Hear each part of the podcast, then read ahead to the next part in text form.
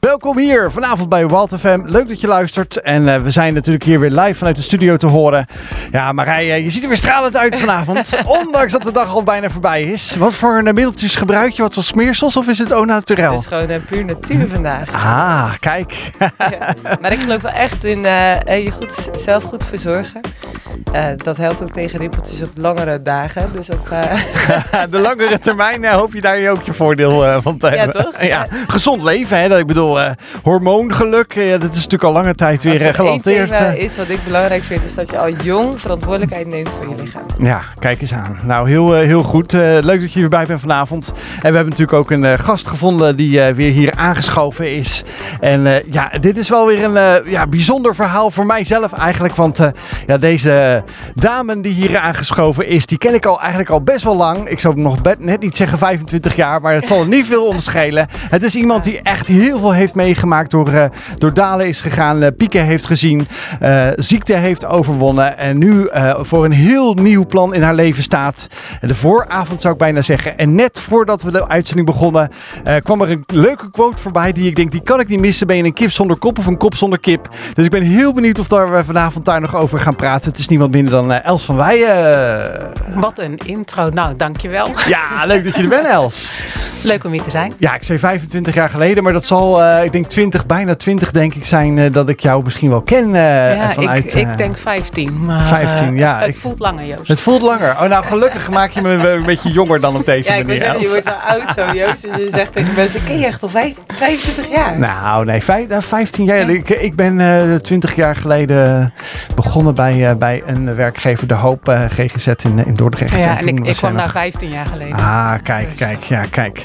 Op deze manier dus weet jij natuurlijk beter de, de exacte datum dan ik. Maar voor mij voelt het in ieder geval dat we elkaar al lang kennen. En, en elkaar niet altijd, uh, nou ja, uh, elke week zien ergens, maar toch de link hebben. En dat heeft ook te maken met onze programmanaam, natuurlijk Wild Fate. Want ja, daarin er komt een stukje geloofsleven en uh, ja, je leven met Jezus dan uh, naar voren van wat is dat voor jou, wat betekent dat voor jou. En dat betekent volgens mij heel veel voor jou, dus ik ben heel benieuwd naar jouw uh, verhaal wat jij vanavond met ons en de luisteraar uiteraard te gaan delen. Maar dat doen wij niet voordat wij eerst... Wild Fate geluksmoment.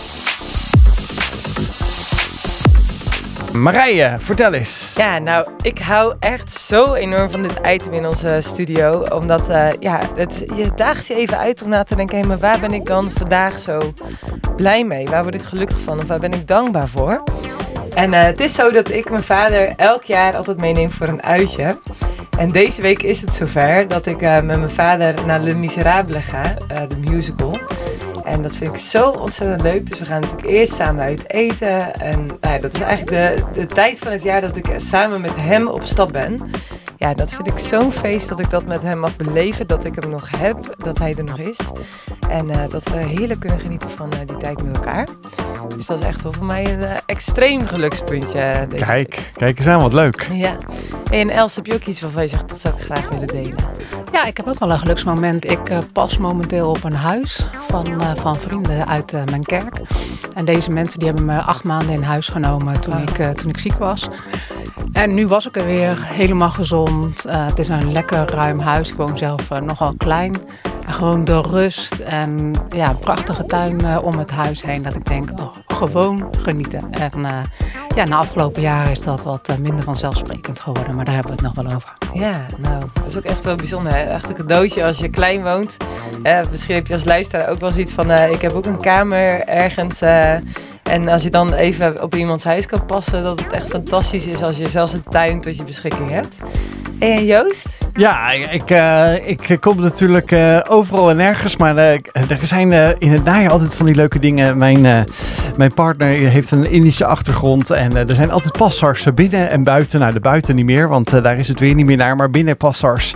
En ik ben naar zo'n passar geweest en eigenlijk gaat het alleen maar om lekker eten. lekker Indische snacks eten nee, en, en muziek luisteren. Het gaat om twee dingen eigenlijk, of eigenlijk drie. Ontmoeten en daar hoort eten bij, want dat is denk ik ook echt wel iets wat gewoon in het, in het leven hoort om ontmoeting, ja, eigenlijk te ontspannen in een ontmoeting. Want anders is het vaak hoi, hallo, hoe gaat het? En dat is het. Dus dan ga je lekker bij eten en muziek. Dus dat zijn de drie elementen van zo'n passar. En eh, natuurlijk eh, struinen over eh, de, de kraampjes. Maar dat is voor mij minder interessant. Maar voor mijn kinderen en mijn partner, die vinden dat heerlijk om lekker te doen. Dus we hebben lekker genoten van zo'n Indische passar. En eh, ja, eh, er werd alweer gezegd wanneer is de volgende. Dus ik ben benieuwd wanneer we daar weer een keer aanschuiven. Dus dat was heel gezellig in ieder geval. Ja, het is jammer dat we nu geen beeld hebben. Want Joost zijn ogen, als hij begint over eten, als je al vaste luisteraar bent, dan weet je dat. Die gaan echt stralen tot in eh, Tokio. Over Tokio Nou, over Tokio gesproken, ja. maar Ja. echt prachtig. mo- mooi moment. Ja, zeker. Nou, wie weet hebben we dan vanavond nog wel even over Tokio. Maar we gaan eerst heerlijk luisteren naar een van de beste DJ's, gospel DJ's van, van de wereld, Guy Dit was Ankomen van Guy Brazil. Ja, een fantastische, eh, eh, wat is het ook weer, Portugese DJ die echt eh, gigantisch veel doet. En wij hebben natuurlijk ook hier Retain in de uitzending gehad, die graag met hem samenwerkt. Dus kortom, er zijn ja, fantastische gospel DJ's. Misschien zegt het je niks, maar op Wild FM moet dat natuurlijk ook klinken hier op de woensdagavond met, bij Wild Fate. Ja, we zijn met Els van Weijen in gesprek. En, of we gaan dieper in gesprek met haar deze komende twee uur. En ja, wat ik al tegen je zei, Els. Ja, jij zei gelukkig eh, ben jij beter met data dan ik blijkbaar. Maar eh 15 jaar eh, kennen wij in ieder geval elkaar. En dat is natuurlijk niet op een, op een ja, eigen tijdse manier gebeurd, zou ik maar zeggen, een ontmoeting. Want ja, eventjes gelijk maar een beetje de diepte induiken. Jij was ja, daarvoor een, een hulpvraag bij de hoop. Ja, dat klopt. Ik was daar niet om te werken, tenminste toen nog niet. Maar ik kwam daar omdat ik een eetprobleem had. Dus ik eh, woog tegen die tijd eh, 192 kilo. Wauw. Eh, ja, inderdaad. Wat dapper dat je dacht, dat ga ik aan. Ja, en ik had heel erg zoiets van, ik wil het met God eh, aangaan. Van, eh, ik eh, was op latere leeftijd eh, christen geworden. En ik had echt zoiets van, nou, ik moet iets gaan doen. Anders dan overleef ik dit niet. Dus, ehm, dus ja, naar de hoop gegaan en ehm, daar hulp gezocht. Was het echt zorgelijk? Dat je dacht, als ik geen hulp krijg, dan... Ja, ik, eh, ik, ik weet nog dat ik op een gegeven moment op straat liep met twee eh, boodschappentassen. En mijn hart ging zo tekeer. Ik dacht echt, ja, ik, ik ben indirect zelfmoord aan het plegen. Dat ik echt dacht, mijn hart trekt dit op een gegeven moment niet meer. En eh, ja, iemand zei in die tijd tegen me zo van, ja, je weet wat er met je aan de hand is, maar je krijgt het niet doorbroken. Je hebt echt hulp nodig. En op dat moment dacht ik, ja, nu, je hebt gelijk. Ik, eh, ik moet iets gaan doen. Dus eh, zo bij de hoop gekomen. Maar dat, dat klinkt nu van, oké, die- confrontatie met jezelf. Iemand had gezegd, hè, je, je redt het niet alleen, je hebt hulp nodig. Maar je ging wel hulp vragen. Dat is voor de meeste mensen echt het aller, aller, allermoeilijkste wat ze ooit in hun leven zouden doen. Dat echt erkennen van, het lukt me niet meer. Ik heb hulp nodig. Ja, ik denk dat je moet echt op die bodem komen. Dat je echt weet van ik kan dit echt niet meer. Ik had met het eten, ik had echt iedere avond dat ik dacht, nou is het klaar, nu hou ik ermee op. Morgen doe ik dit niet meer. En iedere avond stond ik dan toch weer bij de supermarkt. En ja, hoeveel mensen tegen mij hebben gezegd, ja dan stop je toch gewoon. Maar zo, zo werkt verslaving niet. Het is zo'n patroon op een gegeven moment in je hoofd. En je hoofd blijft je vertellen van ik heb dit nodig om me beter te voelen. Eh, Ja, je, je krijgt het niet zomaar doorbroken. Daar heb je echt iemand anders bij nodig. En eten lijkt me dan ook zo super lastig. Ik bedoel, zonder sigaretten en, eh en eh, kook of wat dan ook kun je leven. Ja, Eh, maar voor jou, eh, voor eten, eten heb je, heb je ook nodig. Dus je relatie met eten is dan zo verstoord. ja ik, ik zeg nu altijd van ik ben een alcoholist die drie keer per dag een glas wijn moet drinken. Dus iedere dag is er ook weer die verleiding om, om, meer, om meer te eten, meer te kopen. Ja, je staat gewoon iedere keer weer in die supermarkt en, en daar hangt nog steeds lading omheen. Ja, terwijl als we iemand kennen die dus alcoholverslaafd eh, is, eh, dan zeggen we altijd niet drinken. Want die ene zorgt ervoor dat je die tweede ook zo inschenkt. Ja. Maar met voeding, die zeggen eigenlijk moet ik dus drie keer per dag, word ik geconfronteerd dus met, Met mijn verslaving. met je verslaving. Ja, Ja. we, we hadden het natuurlijk net al over. We zeiden het voor de gein van ja, Joost zijn, eh, zijn, a- zijn ogen gaan stralen. Maar het is natuurlijk die combinatie van. Maar eten, inderdaad, het is ook zo. eh, het is er eigenlijk altijd. Hè. We leven serieus in een hele luxe positie hier in Europa. Je kan nooit zeggen van weet je, vandaag moet het minder. Terwijl er in landen zijn van ja, daar mag je met één kommetje rijst blij zijn per Ja. dag. Dat is natuurlijk ook zo eh, in deze tijd. Nou ja, het is eigenlijk heel raar. Zo van we, eigenlijk vinden we allemaal dat we slank moeten zijn, maar er is nog nooit zoveel eten geweest. Het is, zijn- ja, we, zijn, gefixeerd eigenlijk op eten. En het is ook zo geassocieerd met gezelligheid. Van, van ook toen ik dik was. Van ja, dan familie zeiden van ja, ja, je moet echt afvallen. Maar dan kwam je op een verjaardag en dan wilden ze wel dat je een taartje nam. Ja. Dat ik echt denk, ja, hoe dan? Ja, dan werd er waarschijnlijk vreemd op gekeken. Wil je het niet? Ja, Ja. oké, nou ja, prima. Ik had misschien in mijn eigen hoofd dat een keer uitgezet, maar toch eh, doen Ja. we het dan maar. Ja, dus het blijft, ja, het blijft gewoon terugkomen. Het is een heel ingewikkeld eh, iets. Ja. En wat ontdekte je tijdens je opname bij De Hoop? Eh, ik, ik ontdekte dat eten voor mij echt een vriend was. Dat, eh, ik ben opgegroeid in een gezin waar, eh, ja, waar het allemaal niet zo lekker liep. Een, een eh, behoorlijke alcoholistische vader die ook heel gewelddadig kon zijn. En juist een hele afstandelijke moeder. En ja, met het eten, dat was er altijd. Dus als tiener dan, nou, ik had een, een weekendbaantje en dan ik had wel wat geld tot mijn beschikking.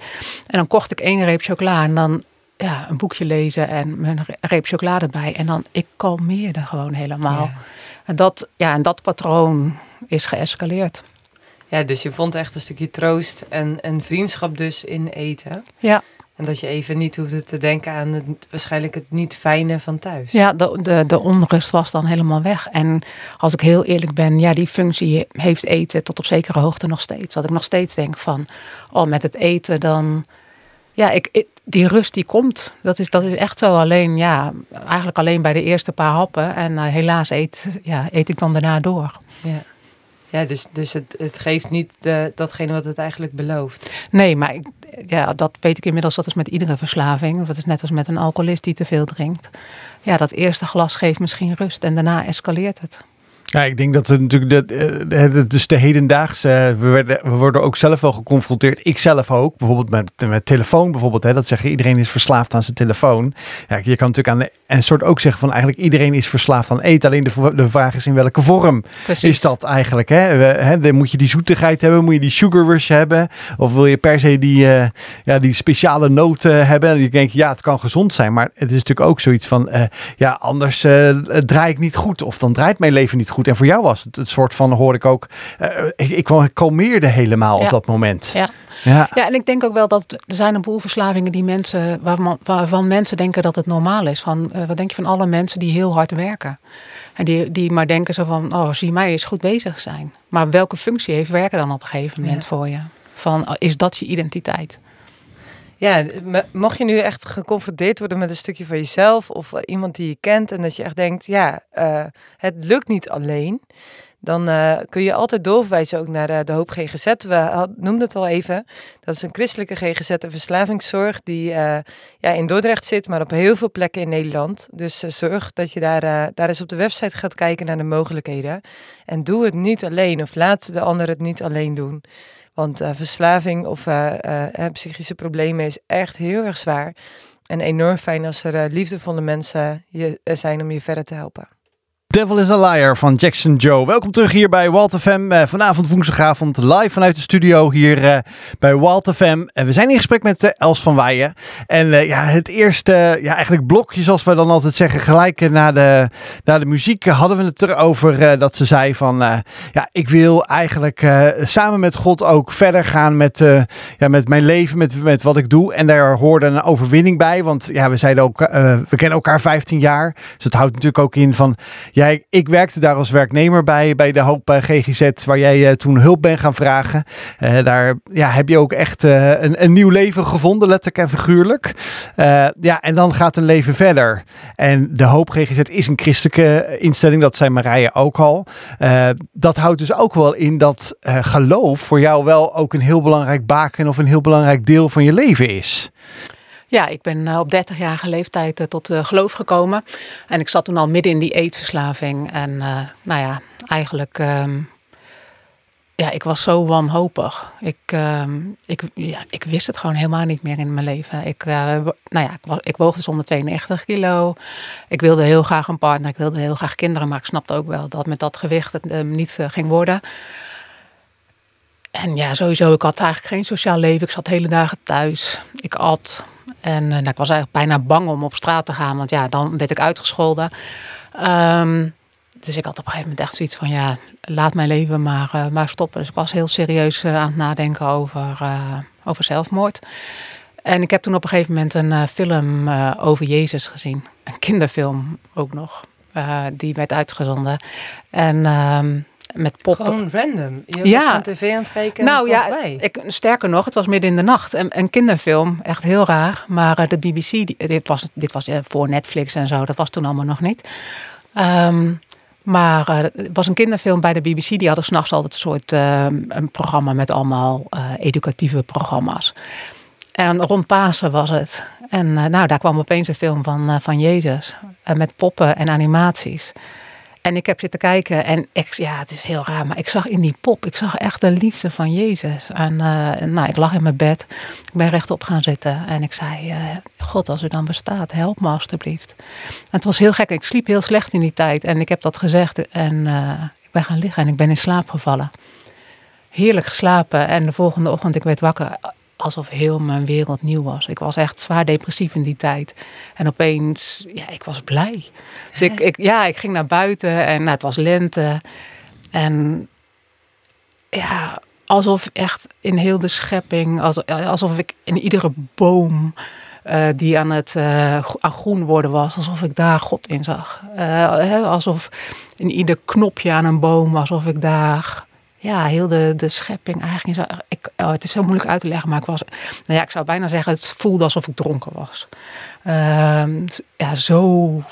De ja, wereld was heel mooi. Ja, de wereld was echt geweldig. Je had serieus een, uh, ja, dan moet ik maar even zeggen, een andere bril opgekregen. Ja. Dat je echt opeens dacht van, is dit dezelfde wereld waarin ik leef? Ja, Net als precies. Dat, die was gisteren niet zo. En, het, en blijkbaar was het me ook aan te zien, want mensen staarden me aan, maar heel an, niet vanwege mijn gewicht, maar ik weet dat ik op een gegeven moment ergens bij een kassa stond en dat een vrouw me echt aan stond te staren van wat is er met jou aan de hand? Dus echt, ik had zo'n vreugde in het begin. Echt. Uh, ja, dat is echt. Dit klinkt echt als, als totale transformatie. Ja, van, ja. Hè, ik was suicidaal. Uh, ik, ik s'nachts ja, kom ik random op zo'n BBC-zender waar dan een film over het leven van Jezus uitgezonden wordt in het kader van Pasen. Ja. En vervolgens uh, kun je lekker slapen, word je wakker en, en leef je als het ware een soort van. Klinkt een beetje als een droomwereld. Ja, maar, maar, maar dat was het dus niet. Het was, ik bedoel, ik was er gewoon bij. Het was niet alsof ik uh, geestelijk in de war was of zo. Dat, was, dat was niet aan de orde. Ja, dat was, was zo'n diepe vreugde. Ja, ja, ik, ik, vind het, ik vind het echt, uh, eigenlijk als ik gewoon denk, hè, dat je gewoon s'nachts zit te kijken en je, en je wordt al sowieso daardoor al geraakt. Dus dat houdt eigenlijk al in dat er uh, ja, iets, iets was of iets is. En dan kijk je daarnaar en dan denk je, en je hebt maar een paar woorden eigenlijk gezegd van nou, help me. Help ja, me. Ja, en dat was genoeg. Meer, meer was er ook niet nodig. Dus ja, vandaar eigenlijk uh, verder gegaan. Ik dacht op een gegeven moment, oh ja, ja nu ben ik christen, moet ik naar een kerk. Dat, uh, dat, dat, kwam ook pas na een paar maanden, die realisatie. Dus en ja, in een heel klein kerkje terechtgekomen. En ja, ik werd, nooit, ik werd natuurlijk nooit geaccepteerd vanwege dat gewicht. En, en ja, daarvoor eigenlijk ook al niet in mijn eigen familie. En nu, ja, in die kerk, ja, die, ik hoorde er gewoon bij. En uh, geen commentaar op mijn gewicht, maar echt zo van, nou, kom erbij. En, Hoe ja, was dat om jezelf welkom te voelen? Ja, geweldig ja, echt. Uh, ik ben die mensen nog steeds, uh, steeds dankbaar. En was ook precies wat ik nodig had. Zo'n hele kleine gemeente. Ja, en ik werd gezien. En ik denk dat ik dat altijd gemist, uh, gemist had. Dus ja, dus, nou ja, en toen ben ik ook langzaam gaan afvallen in eerste instantie. In eerste instantie zonder hulp. Maar goed, ik was natuurlijk enorm dik. En toen ik afgevallen was, um, ja, toen zag ik eigenlijk de sporen die het had nagelaten op mijn lichaam. Het is niet zo van uh, alsof je een ballonnetje bent dat weer helemaal strak wordt. Van alles hangt. En, uh, en toen dacht ik, ja, ja, ja, nu, nu voel ik me eigenlijk nog lelijker dan dat ik me van tevoren voelde toen ik dik was. Dus toen, ben ik, ja, toen is de somberheid langzaam teruggekomen. En ook, uh, ja, ik ging ook weer eten. En toen ben ik dus op dat punt gekomen dat ik, dat ik dacht, ja, nou lekker dan. Nu ben ik alsnog zelfmoord aan het plegen, maar, maar dan door, door mijn gewicht. En dat is het punt dat ik hulp heb gezocht. En is dat, uh, denk je ook wel, um, vooral in je eigen, dat je zei, je zegt natuurlijk, uh, toen ben ik hulp gaan zoeken. Uh, komt dat denk je ook omdat je toen ja, eigenlijk Jezus bent gaan volgen, dat eigenlijk daarin liefde was of dat je daardoor acceptatie hebt ontvangen, dat eigenlijk dat je dan ook dacht van dit wil ik weer terug of ik zit nu in de gevaren zonder dat ik mezelf opeens ontdek? Ik heb, wel, ik heb soms wel gehad in de tijd dat, uh, dat ik dan weer dikker werd en dat ik ook weer somberder werd. Dat ik dacht van God, waar bent u nu? en soms dat ik ook dacht van, nou ja, misschien is het allemaal een sprookje geweest en ik laat ik het weer los. Maar ik merkte wel, hij, hij liet mij niet meer los. Hij had echt zoiets van, nee, wij gaan samen verder. En, uh, en daarom dat ik het ook heel belangrijk vond om die, om die hulp te zoeken die christelijk was. Dat, dat God echt onderdeel was van, van de hulp die ik kreeg. Want ik wist dat ik hem nodig had. Dat ik dat inderdaad echt niet zelf kon. Ik ben echt wel heel erg benieuwd wie God dan voor jou is. Hè? Want je had echt een soort van ontmoeting met hem. Dat, dat zette je leven op zijn kop. Uh, waarna je ook wel vragen kreeg, hey, maar waar bent u dan? Mhm. Dus ik ben echt heel erg benieuwd als je, hoe je zou kunnen omschrijven hoe uh, ja, God ook uh, daarin voor jou uh, zou kunnen zijn. Dit was Sian met Easy Love. Ja, als het uh, vanavond uh, eigenlijk over een uh, misschien wel makkelijk onderwerp gaat, wat heel diep gaat, dan is het wel liefde. en Els vertelde eigenlijk ook wel een beetje over van, ja, wat, wat betekent dan eigenlijk ja, God als een vader voor me? Terwijl ik eigenlijk een, een vrij moeilijke relatie met mijn vader had toen ik jong was. Dat er veel gebeurde in het huis, thuis, maar dat je dan toch God ziet als een vader. Dat is wel heel bijzonder dat je eigenlijk die die switch hebt gemaakt. Hoe hij je benaderd heeft, hoe God je benaderd heeft als een vader. Ja, nou in eerste instantie voelde ik hem niet zo als, als vader, vond ik dat echt lastig. Dat had ik echt zoiets van, ja, van, dat is wat je altijd hoort in kerken zo van, hè, God is een liefdevolle vader, de vader die er altijd is. Maar ja, de realiteit is dat heel veel vaders er helemaal niet zijn of heel weinig zijn. En ja, mijn vader was absoluut onbetrouwbaar. Die, uh, ja, als die gedronken had, dan kon hij de raarste dingen zeggen, schreeuwen. Zij, uh, ja, hij kon ook heel erg gewelddadig zijn. Dus ja, in het begin denk ik dat, dat God. Ik had niet echt een plaatje bij God. Het was meer zo van hij was, hij was liefde. Maar hoe dat dan eruit zag, en ja, ik had daar niet echt woorden voor in het begin. En je hoort dan in kerken van, nou ja, God is ook Jezus, uh, die zich opoffert voor ons. Maar ook dat, ja, ik vond, ik vond het allemaal echt vaag in het, uh, in het begin. Dat was echt een zoektocht van, Kijk, ik was 30 toen ik, uh, toen ik christen werd. Dus, en ja, daarvoor had je niks met geloof? Mijn uh, opa en oma, de, de ouders van mijn moeder, die, uh, dat waren wel echt toegewijde christenen. Die gingen, zaten ook iedere zondag in de kerk. En mijn ouders zijn op een gegeven moment gescheiden. En we, toen zijn we ook zijn we verhuisd naar de plaats waar mijn opa en oma woonden. Toen zijn we wel een aantal jaar meegegaan naar de kerk. Maar mijn moeder kreeg op een gegeven moment een relatie met iemand die geen christen was. En toen verwaterde dat. Dus ik wist wel een beetje. Maar bij lange na niet genoeg. Dus ik moest echt zelf op, uh, op zoektocht uit. En echt, het, ik vind het wel bijzonder, hè? Het aangaan van je behandeling, maar ook je zoektocht dus naar God. Dat laat echt wel zien dat als jij je ergens in vastbijt, dat je daar dan wel echt voor gaat. Ja, dat is wel zo. Van ik, als, het dan, als ik eenmaal een keuze maak, dan, dan wil ik daar ook loyaal uh, aan zijn. En, maar ik, heb, ik denk dat dat ik dat juist ook van God heb gezien, dat hij loyaal is.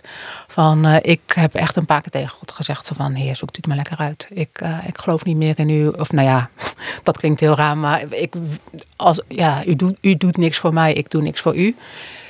En het was echt alsof hij dan steeds weer mijn hand greep. Zo van, ja, maar ja, ik heb voor jou gekozen. En ik, die keuze die gaat niet meer over.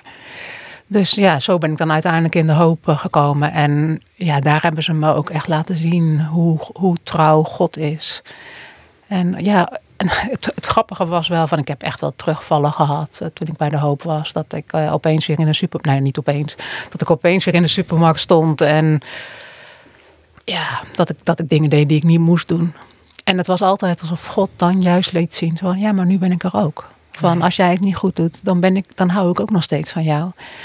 En dat had ik thuis nooit gezien. Zo van, als ik thuis iets, niet, iets deed wat niet naar de zin van mijn moeder was, ja, dan kon ze me echt letterlijk doodzwijgen.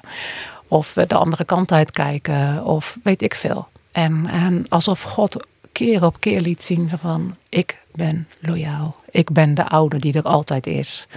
En ehm, ja, ik, ik, ik ben voor jou. Heb je daar ook een, een, een voorbeeld van, uh, zou ik zeggen, dat je nog denkt van, hé, hey, dat heb ik ergens ook in de, in de praktijk gezien, hè? Want je kan het in je hart voelen, zeggen ze wel eens, van je hoofd ervaren. Maar heb je dat ook ja, praktisch gezien om je heen? Ja, ik, vaak, nou ja, ik, ik heb een voorbeeld nog van voor uh, de hoop. Ik uh, had een, ja, dat is echt een ongelooflijk voorbeeld, maar ik heb een keertje gehad dat ik, ik gaf altijd al mijn geld uit dat ik had aan, aan eten. En ik stond meestal ook echt maximaal rood. Van, ik kon iets van 200 gulden was het toen nog uh, rood staan. En, ehm, en, en, ik wist het altijd tot de, de gulden nauwkeurig. Maar op een gegeven moment had ik me een keertje vergist met een rekening die ik, waarvan ik was vergeten dat die ook nog moest komen. Dus ik stond te ver rood, ik kon geen boodschappen meer doen en ik moest mijn gewone boodschappen nog doen. En ja, echt dingen als wc-papier, dus wel belangrijk. Dus, en toen heb ik gebeden zo van, oh heer, ik weet dat ik het fout heb gedaan. En ja, stom.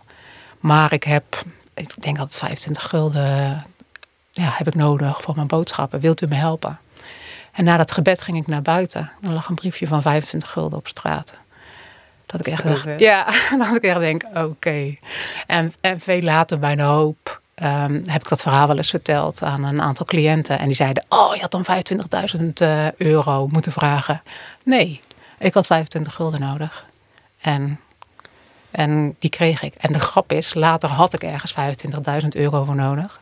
En die heb ik dan ook gekregen, maar dat is een ander verhaal. Dat komt misschien vanavond nog wel. Nou, en je, want eh, het, is wel heel bijzonder dat je zegt, eh, eh, God weet wat je nodig hebt. Dus dat is denk ik ook voor jou wel een lijn in je leven.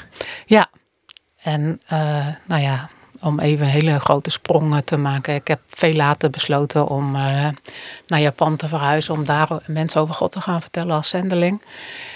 En nou ja, ik had echt altijd wel stress over geld. En ik was toen dus echt afhankelijk dat mensen mij geld zouden geven om te gaan. En nou ja, toen kwam dus ja, die 25.000 euro en uiteindelijk ook nog veel meer.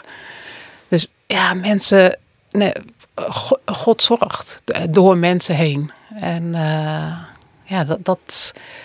En ik denk dat hij, dat hij dat mijn hele leven nu al probeert te laten zien. Zo van, ik ben er echt voor je. En vertrouw me nou maar van wat jij nodig hebt, dat ga ik jou geven.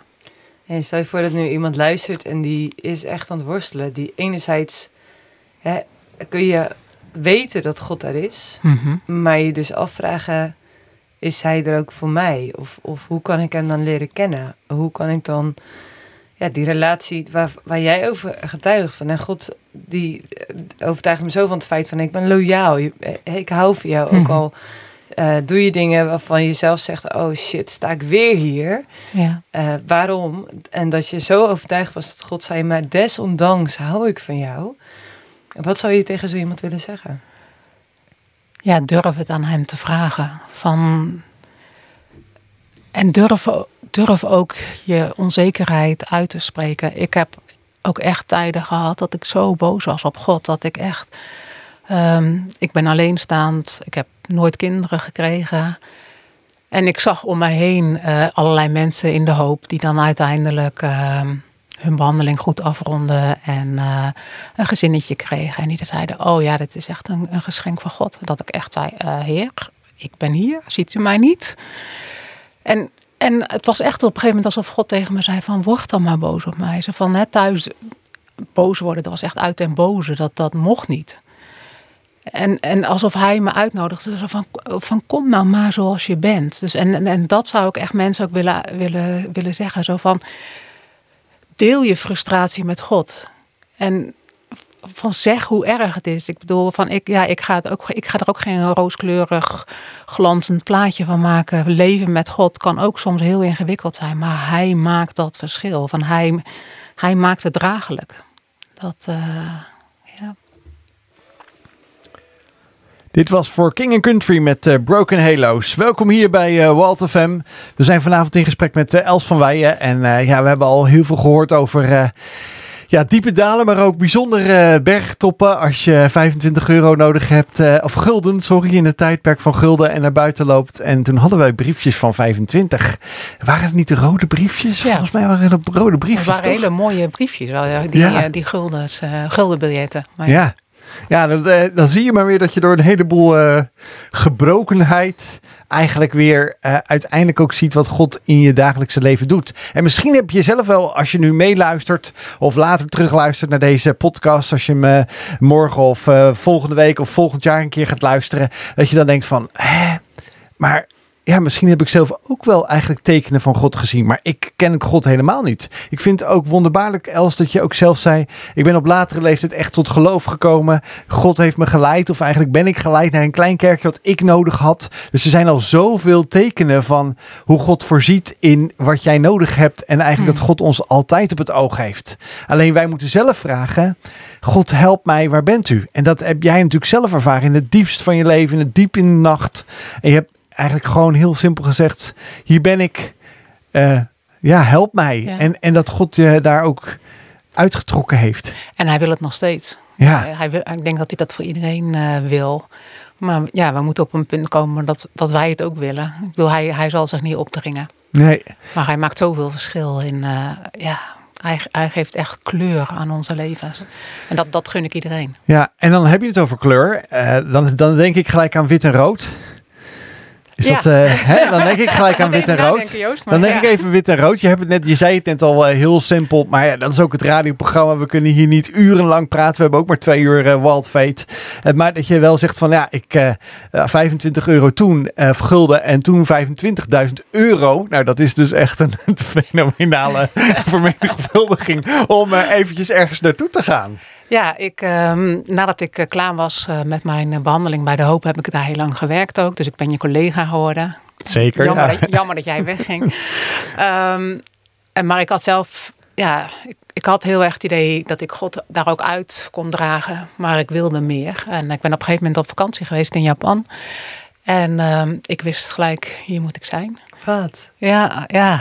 Vaka- maar s- Japan. sowieso vakantie op, in Japan, dat, dat zegt ook al iets dat je... Ik, ik weet dat je heel graag van lezen houdt en vast je heel erg verdiept had. Dus er zat al ergens een klik. Ja, ja van jongs af aan. eh, ik, eh, als kind eh, keek ik zelfs, eh, eh, las ik stripverhalen van Yoko Tsu- Tsuno. Dat is een, een Belgische strip over een Japanse dame. Dus als kind had ik al een beetje dat linkje. Eh, maar ja, Japan heeft me altijd getrokken. En eh, toen ik er was, ja, ik wist gelijk, hier moet ik zijn. Nou, toen ik in het vliegtuig weer naar huis eh, zat, zat ik echt met tranen in mijn ogen. Omdat ik naar huis van moest. heimwee. Ja, ja. Wauw. Nou, eh, ik, ik hou wel vakantie, maar dat had ik echt nog nooit gehad. Maar ik dacht, eh, ik, ik in Japan woon, ik dacht, ja, tralalala, echt niet. dat, eh, dat zag ik mezelf helemaal niet doen. En, eh, maar ja, het bleef toch een beetje kriebelen. Dus uiteindelijk Japanse les gaan volgen. En een aantal jaren later ben ik teruggegaan. Echt zo van, oké heer, als u me wilt hebben, zegt u het dan alsjeblieft heel Want duidelijk. voelde dat ook echt meer dan ik wil wonen daar of ik, ik ervaar dat, dat daar een stukje bestemming ligt. Dat daar Dat laatste, ja, het was echt bestemming. Ik eh, ook van hoe ik naar, ik heb heel veel gelezen over de Japanners en een volk dat zo hard werkt, eh, maar waarbij het ook heel normaal is om zelfmoord te plegen als je niet eh, voldoet aan, eh, aan de verwacht, verwachtingen. Nou ja, dat is natuurlijk precies wat ik kende. En ehm, ja, dus uiteindelijk echt die keuze gemaakt van oké, dit ga ik doen. En ja, dan komt die 25.000 euro weer terug. Ja, want Ik, wat wilde je daar gaan doen? Waar heb Nou, je ik- die 25.000 euro voor nodig? Ik wilde met een organisatie naar Japan die dan echt zegt van, nou, je moet supporters hebben, mensen die iedere maand eh, ja, geld aan jou willen geven voor je levensonderhoud. Want de eerste jaren dan doe je een taal- en cultuurstudie, zodat je echt eh, ja, niet als een eh, ik zou bijna zeggen als een kip zonder kop, maar daar komen we later nog op. rond, rondholt en dingen doet die helemaal niet passen in de cultuur, maar dat je je verstaanbaar kan maken. Maar goed, er was heel veel geld voor nodig. Japan is ook een heel duur land. Ehm, dus daar kwam die 25.000 gulden. Nou ja, het was eigenlijk nog veel. eh, ja, euro, sorry. Eh, het was eigenlijk nog veel meer. Ehm, en ik, ik zei toen tegen God, ik zeg, oh heer, echt geld. Ik vind het zo ingewikkeld. Eh, ik, ja, ik, vind echt, ik vind het echt eng om daarin te vertrouwen. Maar dat geld, dat was zo snel bij elkaar. Het, uiteindelijk was het iets van 50.000 euro voor het eerste jaar alleen al. En eh, het was echt bizar snel. Ook met de organisatie met wie ik naar Japan eh, ga. Die zeiden, nou, dit maken we bijna nooit mee dat het zo snel gaat. Dus ja, hij liet weer eens zien van, ik zorg wel voor jou rustig. Nou, maar ga jij nou maar gewoon. Hey, en, en wat eh, is je missie om, om dus hoop te gaan brengen in Japan? Zeg maar, je zegt, hè, er zijn zoveel. Ik herken mezelf in het verhaal van hè, dat je moet voldoen en, en faalt en dan overweegt om een einde te maken in je leven. Iets wat daar dus heel normaal is. Eh, het is een hele eercultuur, geloof ik. Ja, ja dus je moet echt na- naar buiten moet het plaatje gewoon kloppen. En het is een cultuur waarin eh, vaders zo hard werken dat ze eigenlijk onzichtbaar zijn in hun gezinnen. Nou ja, dat ken ik eh, op andere manieren natuurlijk ook. Dus ja, goed, en ik kan het allemaal proberen te verklaren, maar gedeeltelijk kan ik het niet verklaren. Is het gewoon een soort weten van ik moet daar zijn. Hey, en en eh, als er nu vaders luisteren, wat zou je dan vaders mee willen geven? Want vaderschap is wel een beetje een thema hè, voor straks in Japan, maar ook in jouw eigen leven. Mhm. Eh, dat vaders eh, er moeten zijn voor de kinderen. Wat zou je een vader die luistert mee willen geven? Nou ja, ik denk vooral ook de ontspanning. Zo van, er kan echt zo'n druk op komen te liggen. Zo van, oh, ik moet het beter doen. Maar ik denk, ja, er gewoon al af en toe kunnen zijn. Dat, dat het ook vanzelfsprekend is voor je kind. Dat, dat jij er bent. Dat maakt al zoveel eh, verschil. Kijk, ik, had echt niet de verwachting van mijn vader dat hij perfect was. Maar mijn vader, ja, die was er gewoon niet. En ik heb, eh, als volwassen heb ik hem nog wel eh, een aantal keren ontmoet. En dan wuifde die altijd buiten die weg wat ik was. Zo van, dan moest ik nog zijn zoals hij dacht dat ik zou moeten zijn. Zo van, neem je kind serieus. Ik denk dat dat het belangrijkste is. Ja, wij gaan er alweer eh, uit voor alle plichtplegingen dit uur. Eh, maar echt bijzonder indrukwekkend je verhaal. Gewoon, die zit gewoon een dame aan tafel die, die gepakt en gemazeld is door het leven. Ik denk dat iedereen wel een stukje van jouw verhaal zal herkennen. Maar wow, wat jij hebt gemaakt is gewoon zoveel. En hier eindigt het nog niet eens. Daar gaan we in de tweede uur over hebben. is echt, nou, ik vind het echt super gaaf dat je dit met ons wilt delen. En dat er zoveel hoop doorklinkt in jouw verhaal. Dat God er is, dat God je vasthoudt. Dat hij eh, het trouw is aan je. En dat hij als een liefdevolle vader wil zijn die altijd aanwezig is. Dankjewel Els. Ik kijk uit naar het eh, tweede uur. Dit was Cindy van, met Living Water voor de aftrap van de tweede uur van Wild Fate hier op Wild FM. Leuk dat je weer eh, meeluistert. En eh, ja, we hebben het vanavond de gasten Els van Weijen. En eh, Els heeft al in het eerste uur flink wat verteld over de pieken en dalen in haar leven. En ja, daarin heeft ze ook een leuke uitspraak gedaan die ik, als je goed hebt opgelet, allicht dit tweede uur zomaar voorbij kan komen. Het leuke is trouwens, Els, dat moet ik nog eventjes toch zeggen voordat we naar, naar ons vaste item van de tweede uur gaan, de tijdmachine. eh, is dat eh, hier wij altijd voor onze uitzending van de Waldveten woensdagavond eh, cursisten Japanse les hebben. En die zeggen wel van het is kei moeilijk als je het niet spreekt eigenlijk. Of als je er niet mee bezig bent. Dus ik heb al bij voorbaat respect over het land wat jij ja, gaat, niet alleen gaat bezoeken, maar waar jij je echt wil gaan vestigen. En daar zullen we vast dit komende uur nog wel meer over gaan horen. Maar ja, daar gaat hij weer. We gaan die tijdmachine opstarten. En eh, wij nemen je graag mee, of Els neemt je mee naar het verhaal. Vertel eens Els, waar neem je ons mee naartoe? Eh, ik neem jullie mee naar de negende eeuw voor Christus. Naar de profeet Elia. Ga je gang. Ehm, nou, wat is een profeet? Een profeet is iemand die hoort van God wat, ehm, ja, wat God eigenlijk te zeggen heeft tegen het volk en tegen de koning. Nou, in deze tijd is, ehm, is koning Agab is koning over Israël en zijn vrouw, de koningin, heet Izebel. En ehm, zij volgen afgoden. En ook een boel mensen in het volk die eh, volgen afgoden. En Elia die eh, zegt op een gegeven moment, hij is een van de grootste profeten in Israël. En hij zegt, het zal drie jaar niet regenen. En dat is een soort straf. En Agab die probeert hem te doden. Eh, uiteindelijk komen ze elkaar tegen en dan zegt Elia tegen Agab: ehm, stuur alle afgoden profeten, de profeten van Baal, stuur ze, ehm, eh, stuur ze naar de berg Karmel. En Elia gaat daar ook heen en Agab ook. En dan ga ik een stukje lezen uit de Bijbel. En dat staat in 1 Koningen, hoofdstuk 18. Agab stuurde een boodschap aan alle Israëlieten en liet alle profeten op de berg Karmel bijeenkomen. Elia verscheen voor heel het volk en vroeg: Hoe lang blijft u nog op twee gedachten hinken? Als de Heer God is, volg hem dan. Is het Baal? Volg dan Baal. Baal is een van de afgoden. Maar de mensen gaven hem geen antwoord. Toen zei Elia tegen het volk: Ik ben de enige profeet van de Heer die overgebleven is. De profeten van Baal zijn 450 man sterk. Geef ons twee stieren. Laat zij één van beide stieren uitkiezen, hem aan stukken houden en op het hout leggen. Maar ze mogen het hout niet aansteken. Dan zal ik de andere stier klaarmaken en op het hout leggen en ook het hout niet aansteken. Roep dan de naam van uw God aan. Ik zal de naam van de Heer aanroepen. De God die door het vuur antwoordt is de ware God. En heel het volk riep, dat is goed. Toen zei Elia tegen de profeten van Baal: Begint u maar met het uitkiezen en bereiden van de stier, want u bent met velen. Roep dan de naam van uw God aan, maar u mag geen vuur maken. Ze namen dus de stier die hun gegeven werd, bereidden hem en riepen van de ochtend tot de middag de naam van Baal aan. Baal, geef ons antwoord. Maar er klonk geen geluid en er kwam geen antwoord, hoe zij ook sprongen rond het altaar dat zij gebouwd hadden. Toen het middag geworden was, riep Elia hun spottend toe: Roep toch wat harder, hij is immers een god. Hij is zeker in gedachten verzonken, of heeft zich afgezonderd, of is op reis. Misschien slaapt hij wel en moet hij gewekt worden.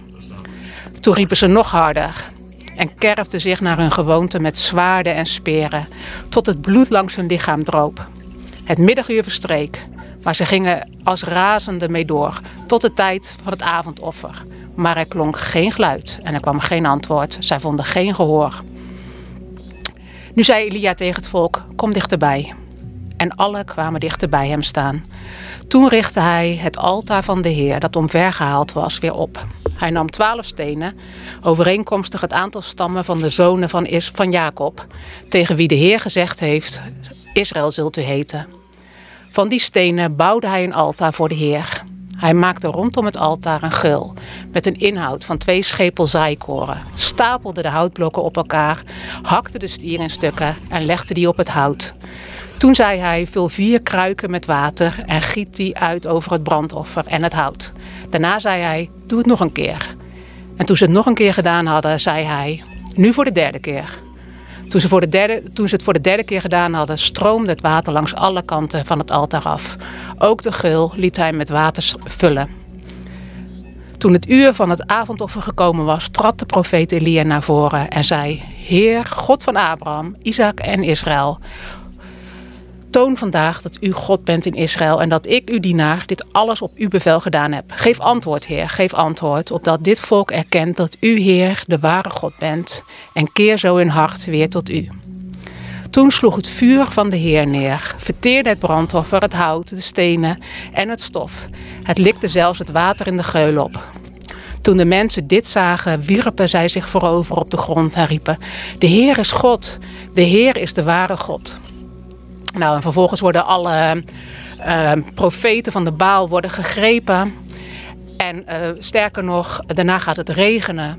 Dus na drie jaar komt er eindelijk weer regen. En je denkt, wauw, dit is het prachtigste moment van, Ize van, van Elia. Maar het verhaal eindigt daar niet. Ik lees nog een heel klein stukje. Want um, Izebel, de, de vrouw van Agab, de koning, die hoort ervan. En dat lezen we in hoofdstuk 19. Toen Agab en Izebel meedeelden wat Elia allemaal gedaan had en hoe hij alle profeten met het zwaard had gedood, stuurde Izebel een bode naar Elia met de boodschap: De goden mogen mij dit aandoen en nog meer, als ik u niet binnen 24 uur het lot van de profeten heb laten delen. Toen Elia dat gehoord had, probeerde hij zijn leven in veiligheid te stellen en vertrok naar Beersheba, dat tot Juda behoorde. Daar aangekomen liet hij zijn dienaar achter. Na een tocht van een dag in de woestijn kwam hij bij een bremstruik. Hij ging eronder zitten. Hij wilde sterven en zei: Het wordt mij te veel, Heer. Laat mij sterven, want ik ben niet beter dan mijn voorvaderen. Daarna ging hij onder de bremstruik liggen en sliep in. Maar opeens stootte een engel hem aan en zei tegen hem: Sta op en eet. Hij keek op en daar zag hij aan zijn hoofdeinde een koek op gloeiende stenen gebakken en een kruik water. Hij at en dronk en viel weer in slaap. Maar opnieuw voor de tweede maal stootte de engel van de Heer hem aan en zei: Sta op en eet, anders gaat de reis uw krachten te boven. Toen stond hij op, at en dronk en gesterkt door dat voedsel liep hij veertig dagen en nachten tot bij de berg van God, tot hij de berg van God, de Horeb, bereikte. Daar ging hij een God binnen en overnachtte er. Toen kwam het woord van de Heer tot hem. Waarom bent u hier, Elia? Hij antwoordde: omdat ik mij met al mijn ijver ingezet heb voor de Heer, de God van de machten. De Israëlieten hebben uw verbond met voeten getreden, uw altaar omvergehaald en uw profeten met het zwaard gedood. Ik alleen ben overgebleven en mij staan ze naar het leven.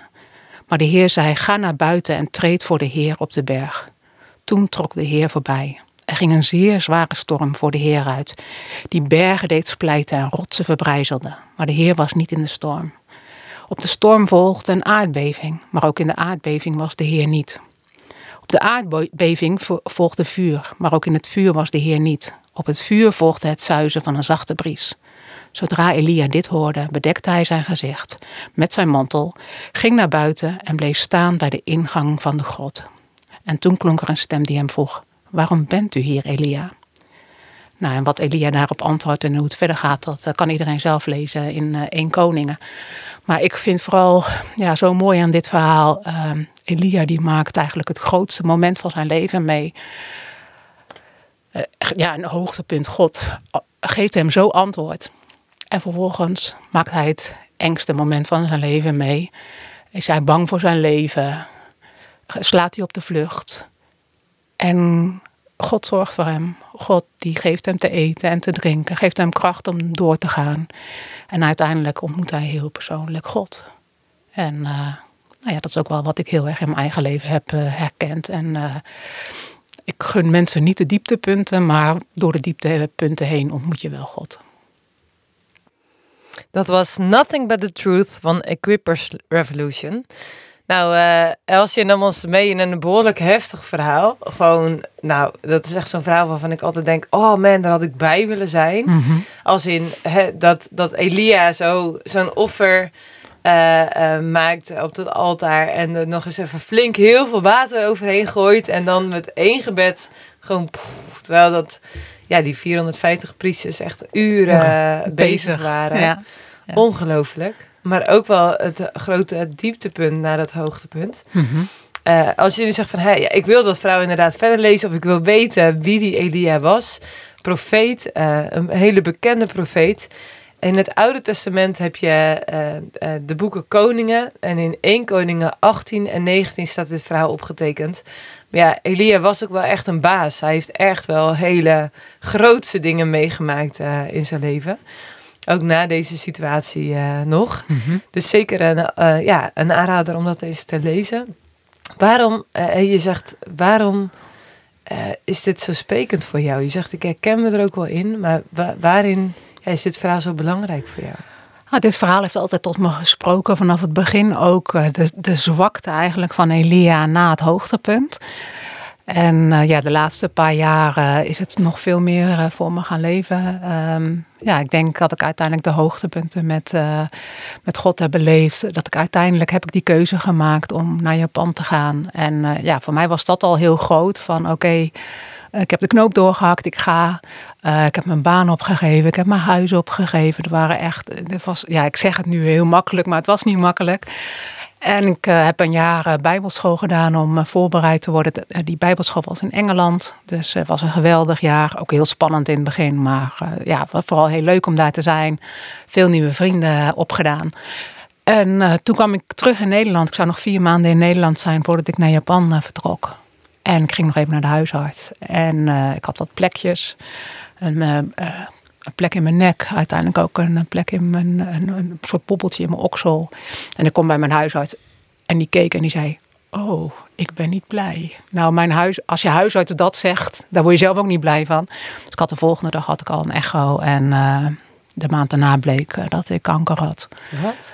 Ja, dus uh, non-Hodgkin, uh, lymfeklierkanker. uiteindelijk bleek het ook al uitgezaaid te zijn. Dus ja, dus uh, de plannen, die, het ging allemaal even anders. Ja, want je, alles was voorbereid om naar Japan te gaan. Mm -hmm. Ja, dus ik had, ja, ik had geen huis. Ik dacht echt, uh, waar blijf ik? Ja. Dus. Wat, wat, uh, wat stond je te wachten? Na dat moment dat ze dat dus ontdekte? ja, chemobehandelingen, chemokuren. En ja, ik had een, um, zoals uh, een, een, een, vriend van mij uh, zei, die arts is, uit de grabbelton van non-Hodgkin heb je niet echt een goede gepakt. Dus het was een hele agressieve vorm. En uh, ja, het was echt maar afwachten of ik het zou overleven. Stortte je wereld in? Ja, ja, kan niet anders zeggen. Ja, ik dacht echt, oké, okay, wat is dit? En ook, ja, ook eigenlijk in eerste instantie de angst van, heb ik iets fout gedaan? Ja, hoe je dan kunt denken op zulke momenten. Zo van, ben ik niet goed genoeg? Um, en ook, ook gewoon heel, heel praktisch. Zo van ja, waar ga ik dan wonen? Dus eh, mensen, hebben in, mensen uit de kerk hebben hem in huis genomen, acht maanden lang. Ja. Terwijl dat jij je behandelingen onderging. Ja. Zo. Ja, ze hebben dat op dat moment niet gezegd, maar dat ze, dat ze onderling wel zaten te denken, zaten te praten met elkaar. Ja, stel als, als het nou niet aanslaat, eh, ja, dat ze steeds uh, zieker wordt. Van hoe gaan we dat dan voor, hoe gaan we dat dan regelen? Ja. Dus, dus maar ja, nou ja, het is uiteindelijk wel goed afgelopen. Maar... Want wat staat je dan te wachten? Ik, dus, ik ken niemand die deze vorm van kanker heeft gehad. Mhm. Ik denk dat veel mensen luisteren en denken, ja, je kent die term, non-Hodgkin, mm lymfeklierkanker. Uh, het beeld wat ik erbij heb, dat zit dus door je hele lijf heen dan. Ja. Ja, dat, het kan inderdaad door je hele lijf uh, zich uh, verspreiden, omdat het dus inderdaad door de lymfe gaat die in je hele lijf zitten. Nou ja, in mijn geval zat het dan uh, nek, oksel. Het zat ook in een van mijn benen, daar was het helemaal uitgezaaid. Dus mijn beenmerg van mijn heup was helemaal weg. Dus als ik was gevallen in die tijd, nou, ik zou echt dat hele been gebroken hebben. Maar dat is gelukkig niet gebeurd. En dus ja, dan ga je behandelingen in, één keer in de drie weken chemo nou ja, het is moeilijk uit te leggen hoe, uh, hoe moe je daarvan bent. Uh, ik verloor mijn haar. En ja, de, de eerste chemo gaat nog wel, maar iedere chemo daarna die wordt, uh, die wordt steeds zwaarder. En dan, dan, heb je eigenlijk iets wat je eerder ook al had. Dat mensen je als je op straat loopt aankijken waarschijnlijk. Nou ja, levende pruiken. Die zijn tegenwoordig zo goed. Eh, zelfs een, een, kennis van mij die kapper is, die kwam op een gegeven moment naar me toe. Die zei, nou, nou, nou, je haar houdt het nog goed. Ik zeg, nou, dit is een pruik. Dat, uh... Het lijkt me zo heftig op het moment dat dat uit gaat vallen. Dat je dat dus in je handen hebt. Ja, het lijkt me zo... Het is echt vreselijk. Ik kan niet anders zeggen. Ik uh, hoor wel mensen die zeggen zo van ja, tegen de tijd dat het gaat uitvallen, dan, ja, dan ben je zover dat je zegt van nou, scheer maar af, het maakt niet meer uit. Nou, ik, ik heb het niet zo ervaren. Ik vond het echt vreselijk. Van, ja, het is echt uh, toch onderdeel van je identiteit. En uh, ja, dat je jezelf voor het eerst kaal ziet. Echt vreselijk. Maar uh, nou ja, gelukkig een pruik. Dus, uh, en dan elke drie weken een chemo? Ja. En hoe lang duurt dat dan? Zit daar, is dat uitzichtloos? Of? Nou ja, je hebt een bepaald aantal uh, chemo's dat ervoor staat. in dit geval met uitgezaaide lymfklierkanker acht chemo's. En ehm, ja, halverwege heb ik dan nog een CT-scan gehad. En toen daar was al op te zien dat het, dat het aansloeg. Dus, uh, dus ja, dat, dat was heel bemoedigend. Hoe was dat? Ja, op dat moment echt geweldig. Eh, maar tegen de tijd dat ik dan echt zou horen zo van of het weg was. Dus echt aan het eind van de behandelingen.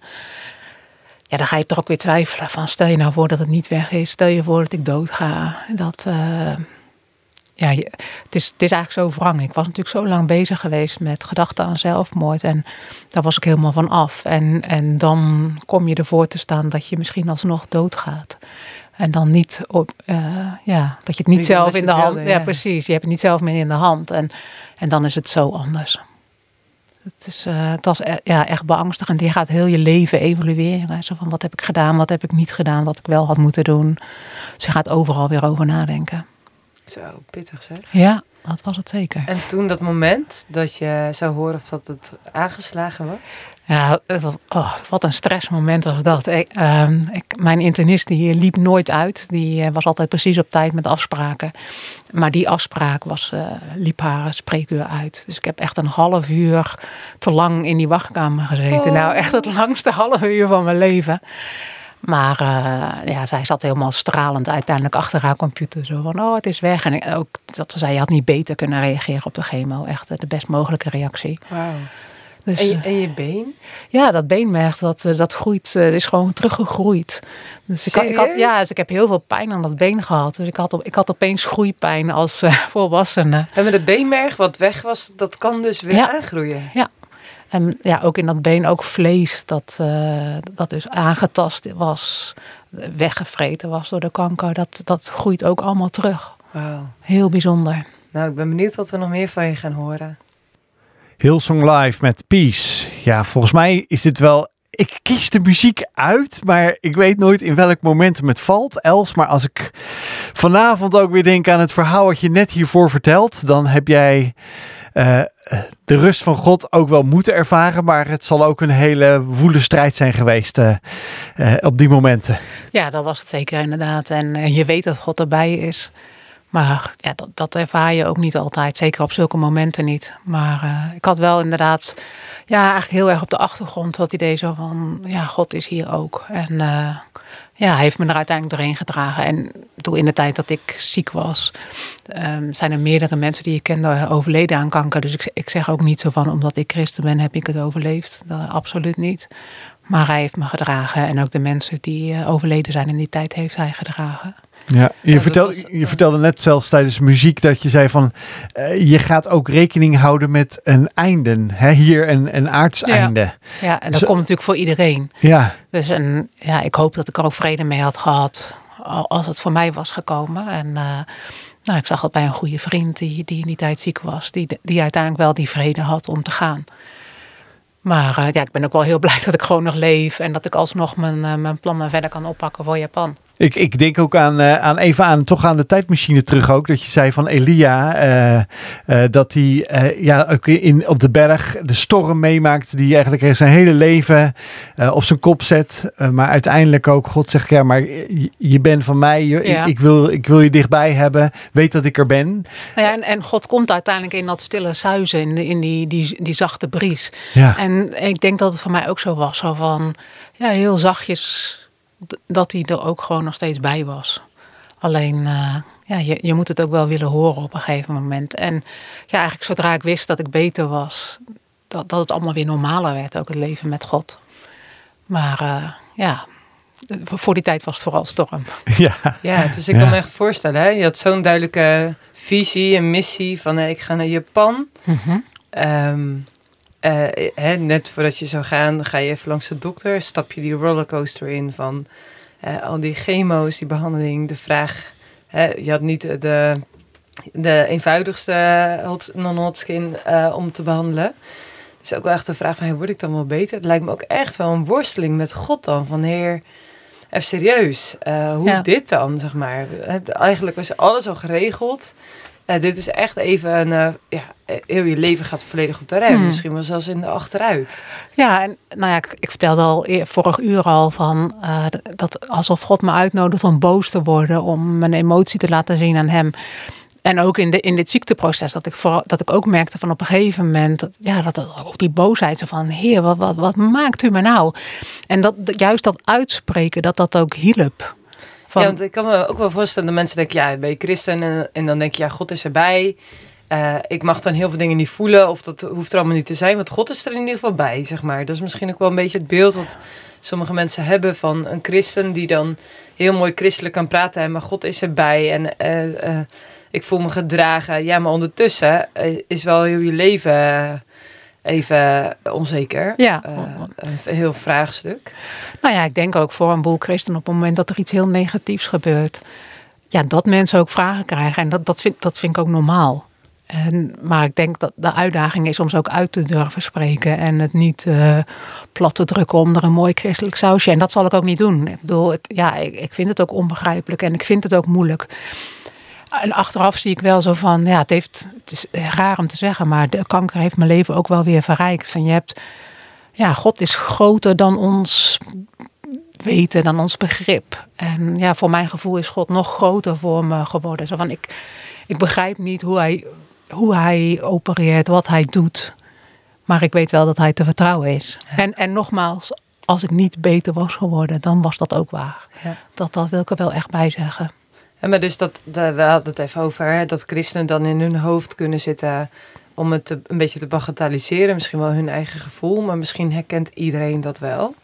Is dat dat stukje kip zonder kop en kop zonder kip, zeg maar? Dat we ja. als mensen de neiging kunnen hebben om, om heel rationeel naar dingen te kijken. In plaats van ook echt verbinding te maken met dat wat er echt leeft. Kun je dat eens uitleggen? Nou, voor mij, uh, als ik het heb over kip zonder, uh, kip zonder kop of kop zonder kip. Um, ik denk dat wij als Nederlanders vaak heel erg in ons hoofd leven. Alsof wij alleen onze gedachten zijn. Maar we zijn ook ons lichaam. En dat, dat ben ik heel erg gaan zien in het, in het ziek zijn van, van ik ben niet alleen mijn gedachten, ik ben mijn lichaam. En ja, ik heb mijn lichaam vaak gehaat toen ik zo zwaar was. En bedoel, ik, ik douchte in het donker. Om, ja, ik had zo'n afkeer van mijn lichaam. En ja, en ook, toen ik eenmaal afgevallen was. Ik heb altijd een rare relatie met mijn lichaam gehad. Ik vind, ja, dat ik echt dacht van, oh, nou ja, vooruit, het hoort erbij. Maar nu ik ziek ben geweest, denk ik, ja, mijn lichaam heeft mij al die tijd gedragen. Mijn lichaam heeft afgebroken beenmerg weer aan kunnen maken, uh, de kanker kunnen verslaan. En dan denk ik, ja, ik wil geen kop zonder kip zijn. Nou, ik wil ook geen kip zijn, maar ik wil een mens zijn die ook mijn lichaam serieus neemt. Ja. Dus eigenlijk holistisch kijken naar jezelf. Van ja. ik ben lichaam, ziel en geest. Ja. Ik ben niet alleen maar mijn gedachten, dat wat ik rationeel uh, benader, maar ook dus je gevoel waarvan je zei van, hé God, die zei ook, hè, wees maar gewoon boos. Of stel je vragen maar gewoon. Of hè, je frustratie, of je, je vragen of je verdriet, of gewoon alles. Durf alles eens te erkennen. Alles mag er zijn. Bij eh, God. ja, terwijl als ik naar onze maatschappij kijk, hè, gewoon een beetje het gedachtegoed van, van vandaag de dag. En dan moet je succesvol zijn en uh, je moet het gewoon visualiseren. Uh, dan gaat het manifesteren in je leven. Dus als jij het maar ziet en, en proclameert en uitspreekt, dan gaat dat allemaal ook gebeuren. Dus je hangt uh, wat plaatjes op je muur en, uh, en je kijkt er maar elke dag naar en je gelooft dat dat het gaat worden, dan komt alles goed. Ja, en zo, zo werkt het dus vaak niet. Nou, ik, ik denk dus ook, al heb je het dus over alleen vanuit je kop leven, mhm. dan kun je daar heel erg je zin op zetten. Um, maar volledig voorbij gaan aan datgene wat eigenlijk aandacht vraagt. Ja, en, en sowieso de plannen die wij vaak maken, de, de plaatjes die we hebben, van zijn die nou echt zo belangrijk? Van ja, ik denk als we echt in onszelf durven te kijken, van dan, dan is het niet dat grote huis of uh, de, de lange vakantie in eh, Costa Rica of zo. Maar ja, dan is het toch een, verlangen naar liefde, gezien zijn, erkend worden. En dan niet alleen door de mensen om je heen, maar ook uh, ja, door de God die, eeuwig, die er eeuwig bij is. Geeft dat jou echt bestaansrecht? Ja, ik heb heel lang gedacht van waarom ben ik hier eigenlijk? Wat, wat, wat doe ik hier? En, uh, maar ja, in, in God ben ik gewenst en geliefd en hoor ik erbij. En heb ik nog wat te doen. Ja, dus mocht je dit, dit verlangen erkennen of herkennen, dat je zegt van oh, ik verlang er echt zo naar om gezien te worden, om bestaansrecht te hebben, gewoon om wie ik ben ja, dan is God daarin degene die dat ja, zo uh, duidelijk eigenlijk kan maken. Je daarmee kan overladen van hey, jij, bent, jij bent als mens zo bijzonder voor hem en zo geliefd. Ja, dankjewel Els. The Season of Love van God, Gospel of Dance. Welkom terug hier bij Wild Fate op Wild FM. We zijn vanavond in gesprek met uh, Els van Weijen. En ja, ze heeft al heel veel gedeeld uh, met uh, de, de pieken en dalen, letterlijk en figuurlijk. in het tweede uur ook het bijzondere ja, momenten, ervaringen ook. Hoe God bij je was in, in een ziekteproces. terwijl je eigenlijk op het punt stond om naar Japan te gaan voor definitieve uitzending. Om daar te gaan werken en te gaan wonen. ja, en daarin heb je ook uh, natuurlijk een uh, organisatie opgericht, omdat dat ook die jou ondersteunt in uh, niet alleen financiën en daarin bijdraagt, maar ook een stukje achterban en een stukje, ja, noem maar even reflectie wil zijn, want ja, een beetje Nederlands praten vanuit Japan, dat zal niet zomaar gaan. en je hebt een hele bijzondere ehm, ja, stichtingsnaam of projectnaam ja. die je hebt gekozen of waar je bent op gekomen. Ja, dat is Project Deshima. Ik ik val onder een organisatie die, uh, die OMF heet. En die helemaal gericht is op Oost-Azië. Maar um, ik heb mijn, ja, de eigen, eigen groep mensen die me ondersteunt. En daar heb ik een projectnaam eh, voor uh, moeten bedenken. En die naam is geworden Project Deshima. En er is ook een website, projectdeshima.nl, even reclame maken. Maar uh, Deshima is een eilandje voor de kust van Nagasaki. Het is geen eiland meer, het is inmiddels aangeslipt aan Nagasaki, maar oké. Ehm, Japan is 200 jaar lang op slot geweest voor alle buitenlanders. Uh, christenen zijn eh, voor die tijd het land uitgegooid en het christendom was toen verboden in Japan. Um, maar de Nederlanders die mochten op dat eilandje komen en die mochten als enige buitenlanders handel drijven. Wat met... maakte dat, dat Nederlanders dat mochten? Nou ja, dat is niet zo heel erg vrij waarom ze dat mochten. Um, de christenen in Japan, dat waren voornamelijk katholieken. En de Nederlanders waren natuurlijk protestant. En die Nederlanders die hebben een heel nare rol eigenlijk gespeeld. Die hebben geholpen om die katholieken het land uit te gooien. En die hebben daarna gezegd, uh, wij komen wel, maar we, we hebben het niet meer over geloof, we hebben het alleen over handel. En uh, toen ik de tweede keer in Japan uh, kwam, toen was ik op een gegeven moment in een boeddhistische tempel. En de monnik daar, die leidde ons rond en die zei, ja, die Nederlanders geweldig hoor, dat ze het nooit over geloof hebben gehad. En dat deed heel erg zeer bij mij. Dus toen ik die projectnaam moest bedenken, toen heb ik het project Deshima gemaakt voor het Nederlanders in Japan 2.0. En deze keer gaan we het wel hebben over geloof. En wat geloof je dat, dat het christelijk geloof kan brengen, dat God kan brengen aan de Japanners? Genade. Ik heb zelf natuurlijk heel erg ervaren dat, uh, ja, dat God me genadig was, dat God me zag. En ik denk dat de Japanners heel erg leven met het idee van we moeten het allemaal zelf doen.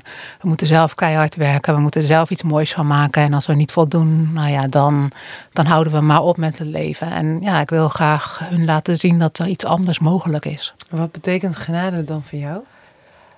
Dat je het fout kunt doen en dat je er nog steeds bij hoort. Van dat je helemaal de mist in kunt gaan en dat je dan niet aan de kant wordt gezet.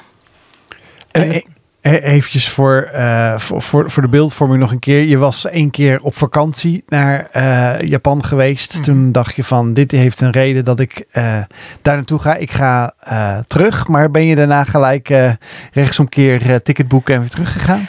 Nee, ik gaf het al aan. Ik dacht echt van, dat kan ik helemaal niet. En uh, zendeling worden, doe even normaal. Dat, Dus ik ben toen een tweede keer ben ik nog, ik ben nog een keertje teruggegaan. Echt met het idee van, heer, wilt u me alstublieft duidelijk maken of ik hier moet zijn?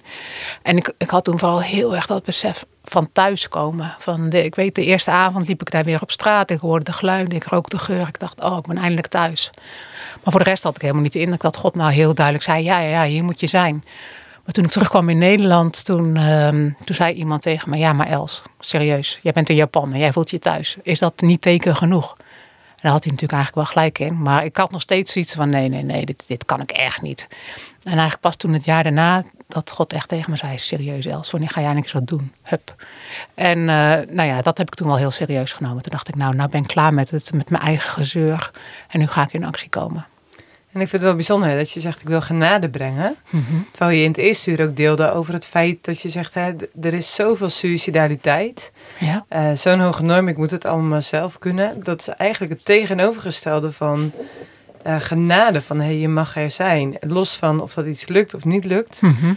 uh, terwijl als daar gefaald wordt, dan is het gewoon beter om je eigen leven te nemen. Dat is al in die samurai, geloof ik. Ja, dat klopt. En je hebt in Japan zelfs plekken, zeg maar populaire zelfmoordplekken. En de tweede keer dat ik in Japan was, heb ik op zo'n plek gestaan. Een, een klif aan, aan, aan zee. Nee joh. Dus waar, ja, waar, daar vlakbij is dat boeddhistische klooster met die monnik uh, die ons uh, rondleiden. Uh, van dat, ja, mensen geloven echt van als ik daar zelfmoord pleeg, dan, ja, zij geloven dan in reïncarnatie. nou ja, dat, ja dan, dan komt het wel goed met mij. Ik vind het ook heel uh, gaaf. Ik hoorde recent iemand zeggen van uh, uh, ik ga naar een land toe, hè, of we, we, willen graag iets doen. Je voelt je er thuis. Mm -hmm. dus dat houdt eigenlijk in dat je present, aanwezigheid, alleen al je aanwezigheid met de genade die jij hebt leren kennen van onze God, dat je dat jij wil uitstralen. Hè? Net zoals je ook al eerder in deze uitzending zei, ja, ik, ik liep rond en mensen zagen al van buitenaf dat ik anders, dat er wat anders was, was, was ja. met Els. Dus is dat ook zoiets wat je hoopt eigenlijk in de directe omgeving van waar je, ja, waar je gestationeerd zal worden, dat dat een eerste blik zal zijn? Nou ja, ik denk sowieso van ik, ik moet het echt van God hebben. Ik bedoel, uh, ja, ikzelf in Japan, ja, er zijn 120 miljoen Japanners. Uh, 1% is christen. Oh, ja. dus bedoel, ja, we moeten het echt van God hebben. En ja, ik ben er maar heel, uh, heel klein in. Maar ja, hij gaat het verschil, uh, verschil maken. En ja, we gaan maar gewoon, we gaan maar gewoon in beweging komen. En, en hij, hij zal het voor de rest uh, moeten doen. En Japan staat wel echt bekend als een land waar het heel lastig is om te evangeliseren. Niet omdat het verboden is. Maar gewoon, ja, mensen hebben weinig interesse. Hebben, zijn ook gewoon te druk om te luisteren. Ja. Of uh, vinden het lastig om, om echt die keuze te maken. Ik, ik, weet, ik weet van uh, TWR, waar wij dit, mede dit programma namens maken. Transworld Radio werkt ook in Japan. ik heb ook een filmpje gezien van een collega.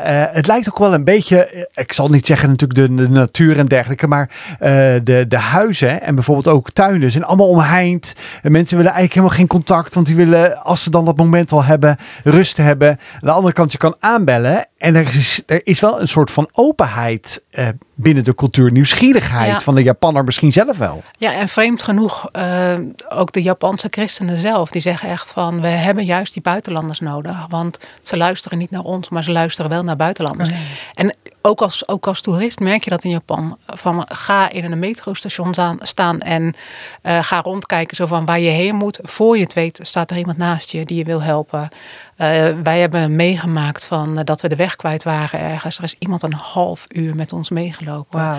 Dus ja, die, die gastvrijheid is er op zich wel. En nou ja, vreemde ogen dwingen zeggen ze wel eens bij, bij kleine kinderen. Maar misschien is het ook wel bij volwassen Japanners. Van, ja. En dan heb je het over een, eh, een volk. Hè. Je zei, wij Nederlanders leven een beetje als een, als een eh, kop zonder kip. Dus heel erg uit ons hoofd, weinig verbinding met onze emoties en ons lichaam. Ik denk, al heb je een land als Japan, dan, eh, dan is dat gewoon een is-teken. Ja. Je leven enorm vanuit hun hoofd. Je moet regie hebben over je emoties. Ja. Zolang je maar vindt dat je rust moet hebben, heb je ook rust. Dat is denk ik een beetje de vrucht van het boeddhistische denken. Het zen-gevoel, hè? Gewoon eh, hebben met, je, met jezelf. Ja, in je hoofd in Ja. plaats van dus in je lijf. En, in je- en dan geloven dat als het in je hoofd zit, het, het doorstroomt. In plaats van dus serieus te nemen wat aandacht vraagt. Ja, en dat, dat doen ze dus niet inderdaad. Zo van als je, het Japa- het Japans heeft een woord voor doodgaan omdat je te hard werkt. Dus vooral, vooral mannen, eh, ja, voor wie hun leven is hun werk. En die ja, werken, werken, werken. En inderdaad, Totdat je er bij dood bij neervalt. letterlijk, ja. Zo, indrukwekkend.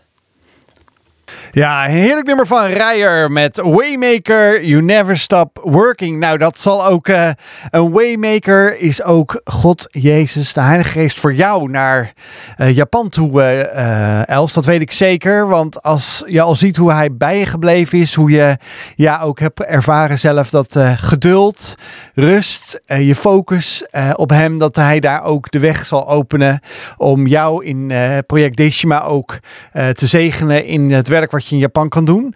Eh, ja, nou zijn we natuurlijk altijd even benieuwd van, kunnen we je ergens volgen? Waar kunnen we zien wat je doet? Eh, ja, nou, er is dus een website, projectdeshima.nl. En Deshima spel je D-E-S-H-I-M-A. Eh, we hebben ook een YouTube-kanaal waar we twee keer per maand een vlog doen. Dat is ook Project Deshima. Ehm, ja, Ja. En nou ja, eh, daar staat alle actuele informatie, eh, hoe je me eventueel kunt steunen, op de hoogte kunt blijven. We hebben een nieuwsbrief, maar dat zie je allemaal op de website. Ja, want eh, je zit nu eigenlijk nog in het laatste sluimerstuk van herstellen na chemo. Mhm. Nog niet zo, zeg maar, hey, je bent gezond verklaard en eh tralala, je bent weer helemaal in volle fruitigheid, zeg maar. Nee, zo werkt het helaas niet met chemo. Het is natuurlijk, ja, het maakt kanker kapot, maar het maakt ook heel veel eh, gezonde cellen kapot. Dus ik eh, blijf nog een maand of negen in Nederland om helemaal op te knappen. Oh, goed, als Ja. je daar ook de tijd voor hebt. Nou ja, het, het moet ook gewoon. Ik zou het liefst morgen vertrekken, maar het kan gewoon nog niet. Dus ehm, juli eh, 2024, dan hoop ik eh, te vertrekken. En voorlopig niet meer in Nederland te zijn. Ja, dus de aftellen is begonnen. Ja, ja. Dus eh, ik zit nu inderdaad in de maanden dat ik denk, oh, volgend jaar om deze tijd, dan, eh, dan ben ik in eh, Japan. Maar eh, nou ja, ik hoop dat veel mensen eh, in Nederland me blijven steunen. En eh, ja, ik bedoel, het is niet... de OMF, de organisatie met wie ik wegga, die zegt altijd zo van... zendeling zijn, dat is niet het projectje van iemand alleen. Maar het is een project van een kerk, van mensen die om een persoon heen staan. Dus ik ga niet in mijn eentje naar Japan. Ja, dus als, je hebt een beetje rugdekking nodig. Ja, ja. Dus als mensen rugdekking willen geven, dan moeten ze vooral ook naar de website toe. Of, eh, of je eh, vlog gaan volgen via YouTube. Is Ja. dat eh, YouTube-kanaal ook Project Decima?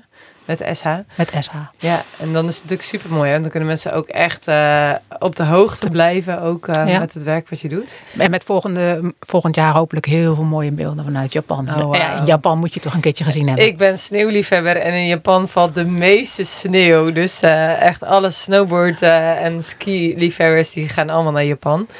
Maar eh, echt enorm bedankt voor, eh, voor je verhaal. Indrukwekkend. Man, waar heb je allemaal voor gestaan? Waar ben je doorheen gegaan? Echt enorm bedankt dat je dat ook wilde delen. Zo bij ons ook hier bij Wild Fate op Wild FM. En eh, ja, wij wensen jou echt een ongelooflijke mooie reis naar Japan toe. En uh, wellicht kunnen we je wel een keertje inbellen om eens te horen volgend jaar hoe dat het gaat. Nou, heel graag. We moeten alleen eventjes dan het tijdverschil in de gaten houden. Want wij uh, zenden pas om 8 uur s'avonds uit. En dat is dan plus uh, 8. Nou, 6 uur s ochtends of 4 uur s ochtends. Als ik weet niet hoe zal een keertje voor, vroeg voor jullie op. Ja, dat zou heel leuk nou, zijn. Nou, dat kan ook een uurtje later, een tweede uur. Dan moeten we wat husselen in de programmering. maar wie weet dat het, dat het wel gaat lukken. Hartstikke bedankt, Els, voor ja, je openhartigheid. Dat je ook echt gedeeld hebt wat ja, God in je leven doet. Wat dat betekent om, om met geloof te leven.